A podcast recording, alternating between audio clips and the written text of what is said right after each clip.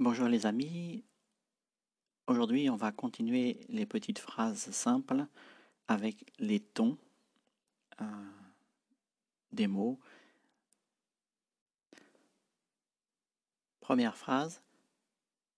Pela chimie do. Il y a donc cinq syllabes. Pela chimie do. Avez-vous reconnu les tons bas et haut Le premier, peu, est un ton bas qui monte, peu. La, c'est un ton neutre. Chimie commence bas et finit haut, chimie.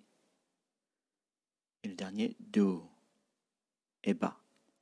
Peu, la, chimie, do. À vous, peu la chimie do. Chimie, c'est un chat. Chimie. Do, ça veut dire il y a. Peu la au Tibet. Peu la chimie do. Pour dire un chien, c'est qui? Qui c'est un ton O soufflé, deuxième ton de K, qui, avec le yata, kayata, kya, qui. Essayez de dire au Tibet, il y a des chiens.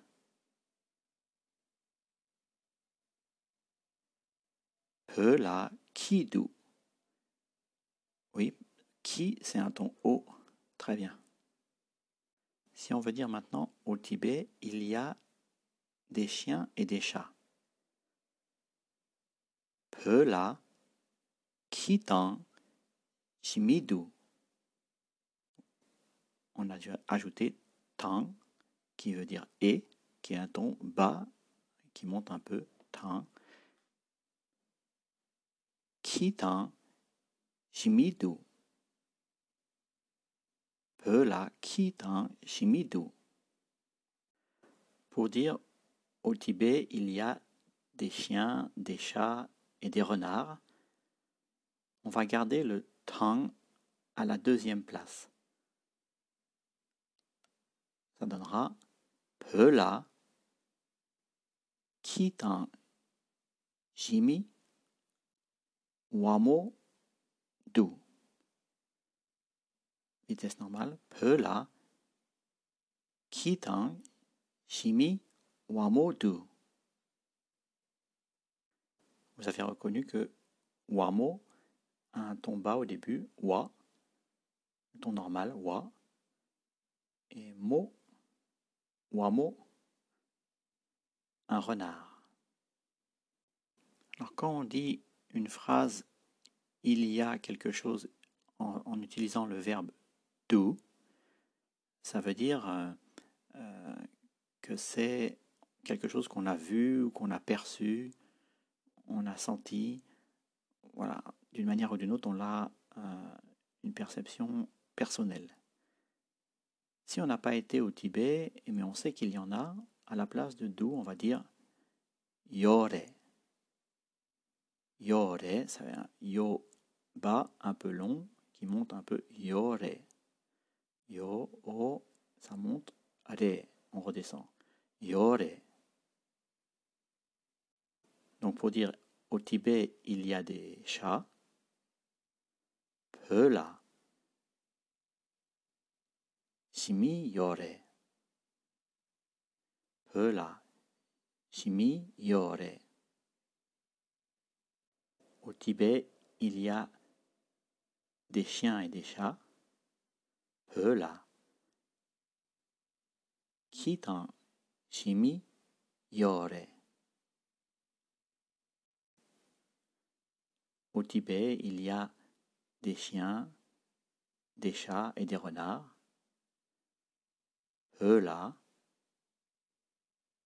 Kitan Shimi Wamo Yore. Ensuite, pour dire qu'on a quelque chose. Par exemple, j'ai un livre. Un livre, c'est tep. C'est un ton bas, donc normal, tep. Euh, on utilisera l'expression ngala tep ye. Ngala tep ye. le nga qui descend un peu et remonte. Ensuite, tep, le temps normal. Ye. Ton bas qui monte un peu. Ngala tep ye. J'ai un livre. Une voiture, ce sera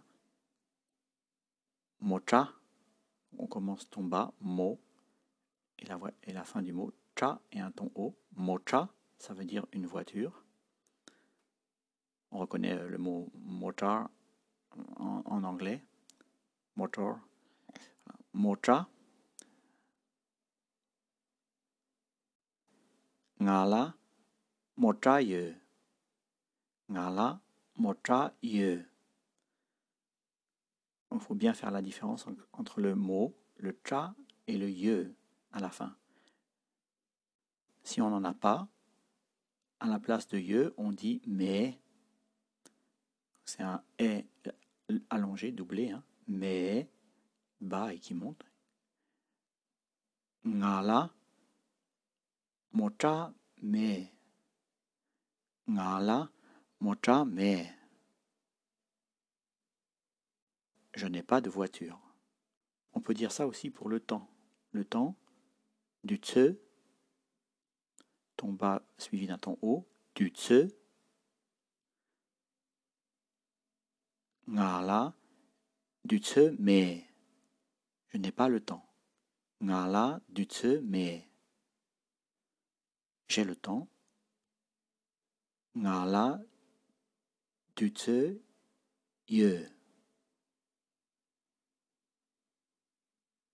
vous avez sûrement entendu déjà que ngala, ça peut se dire nga, c'est-à-dire un a, plus allongé dans la deuxième partie. Nga. En fait, c'est comme si. C'est parce qu'on peut écrire nga suivi de ra lit nga. Ngar et on ne prononce pas tellement le ra à la fin, donc ça fait un, a allongé. Nga. Donc, nga du tse ye. Nga du tse ye. J'ai le temps. Nga du tse me. Voilà. On peut dire donc nga la ou bien nga. Nga du tse bien nga du tse me. Donc, ye, c'est par rapport à soi. Pour une autre personne qui a un livre, par exemple, on utilisera do. Pour dire, tu as un livre. Keran la tep do. On commence bien les deux tons hauts. Keran la, ton neutre. Tep do. Tep est à peu près comme le neutre. Do. Un petit peu plus bas, il remonte. Do. Keran la tep do. Keran la tep do.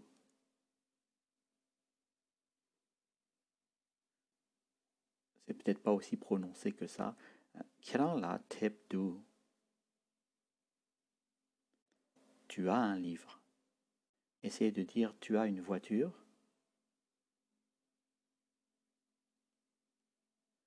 Très bien. Kera la mocha du. Vous avez bien pensé à faire kerang en haut? Et puis mocha ton bas, ton haut et puis du ton normal. Kerang la mocha du. Pour la troisième personne aussi, ce sera du, euh, sachant que maison, ça se dit kampa donc de ton haut, Kangpa, et, il, ça se dit Kong. Essayez de dire il a une maison. Très bien. Kon la kampa du. Kon la kampa du. On commence au Kon la kampa du.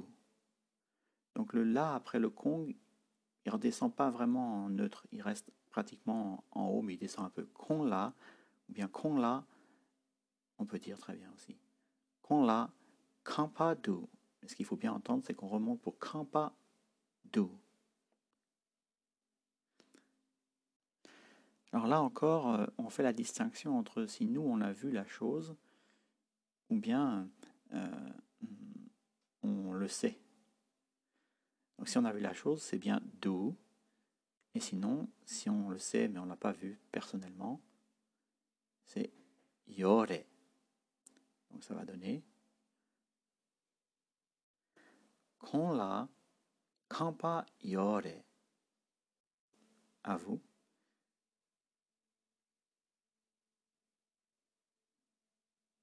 Kon la kampa yore. Quand on va chez les Tibétains, ils ont envie de nous servir quelque chose à boire et ils disent souvent Seul cha Seul cha, c'est comme cha, c'est du thé et c'est honorifique. Et vous avez noté, cha, c'est un ton bas, mais seul cha, honorifique, deux tons hauts.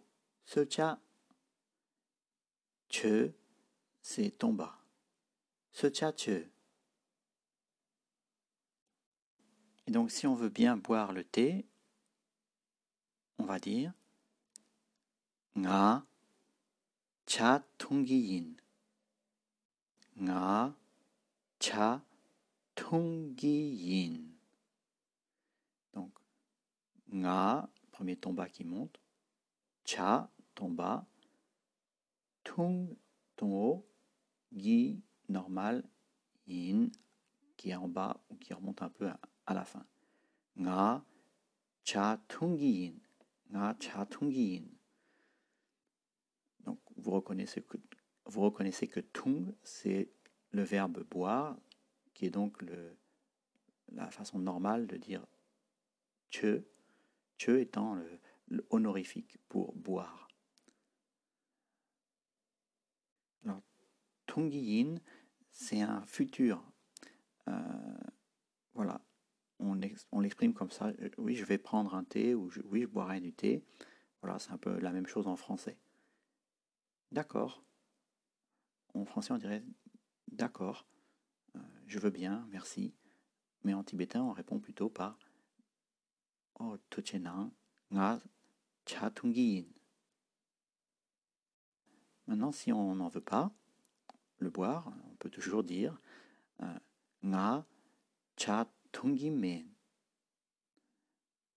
Alors, on peut dire men pour dire non, men ou mais, les deux sont possibles.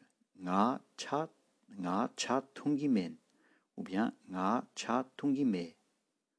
Men ou bien mais. Voilà, c'est deux façons de dire que nous, on n'en prend pas. Les deux façons existent. Peut-être récemment, il y a tendance à dire plutôt mais que men. Et mais est plus euh, standard que men qui est plus euh, de lhasa. Nga cha tungi men. Bien sûr, on est souvent invité à s'asseoir et on nous dira Der Shutang.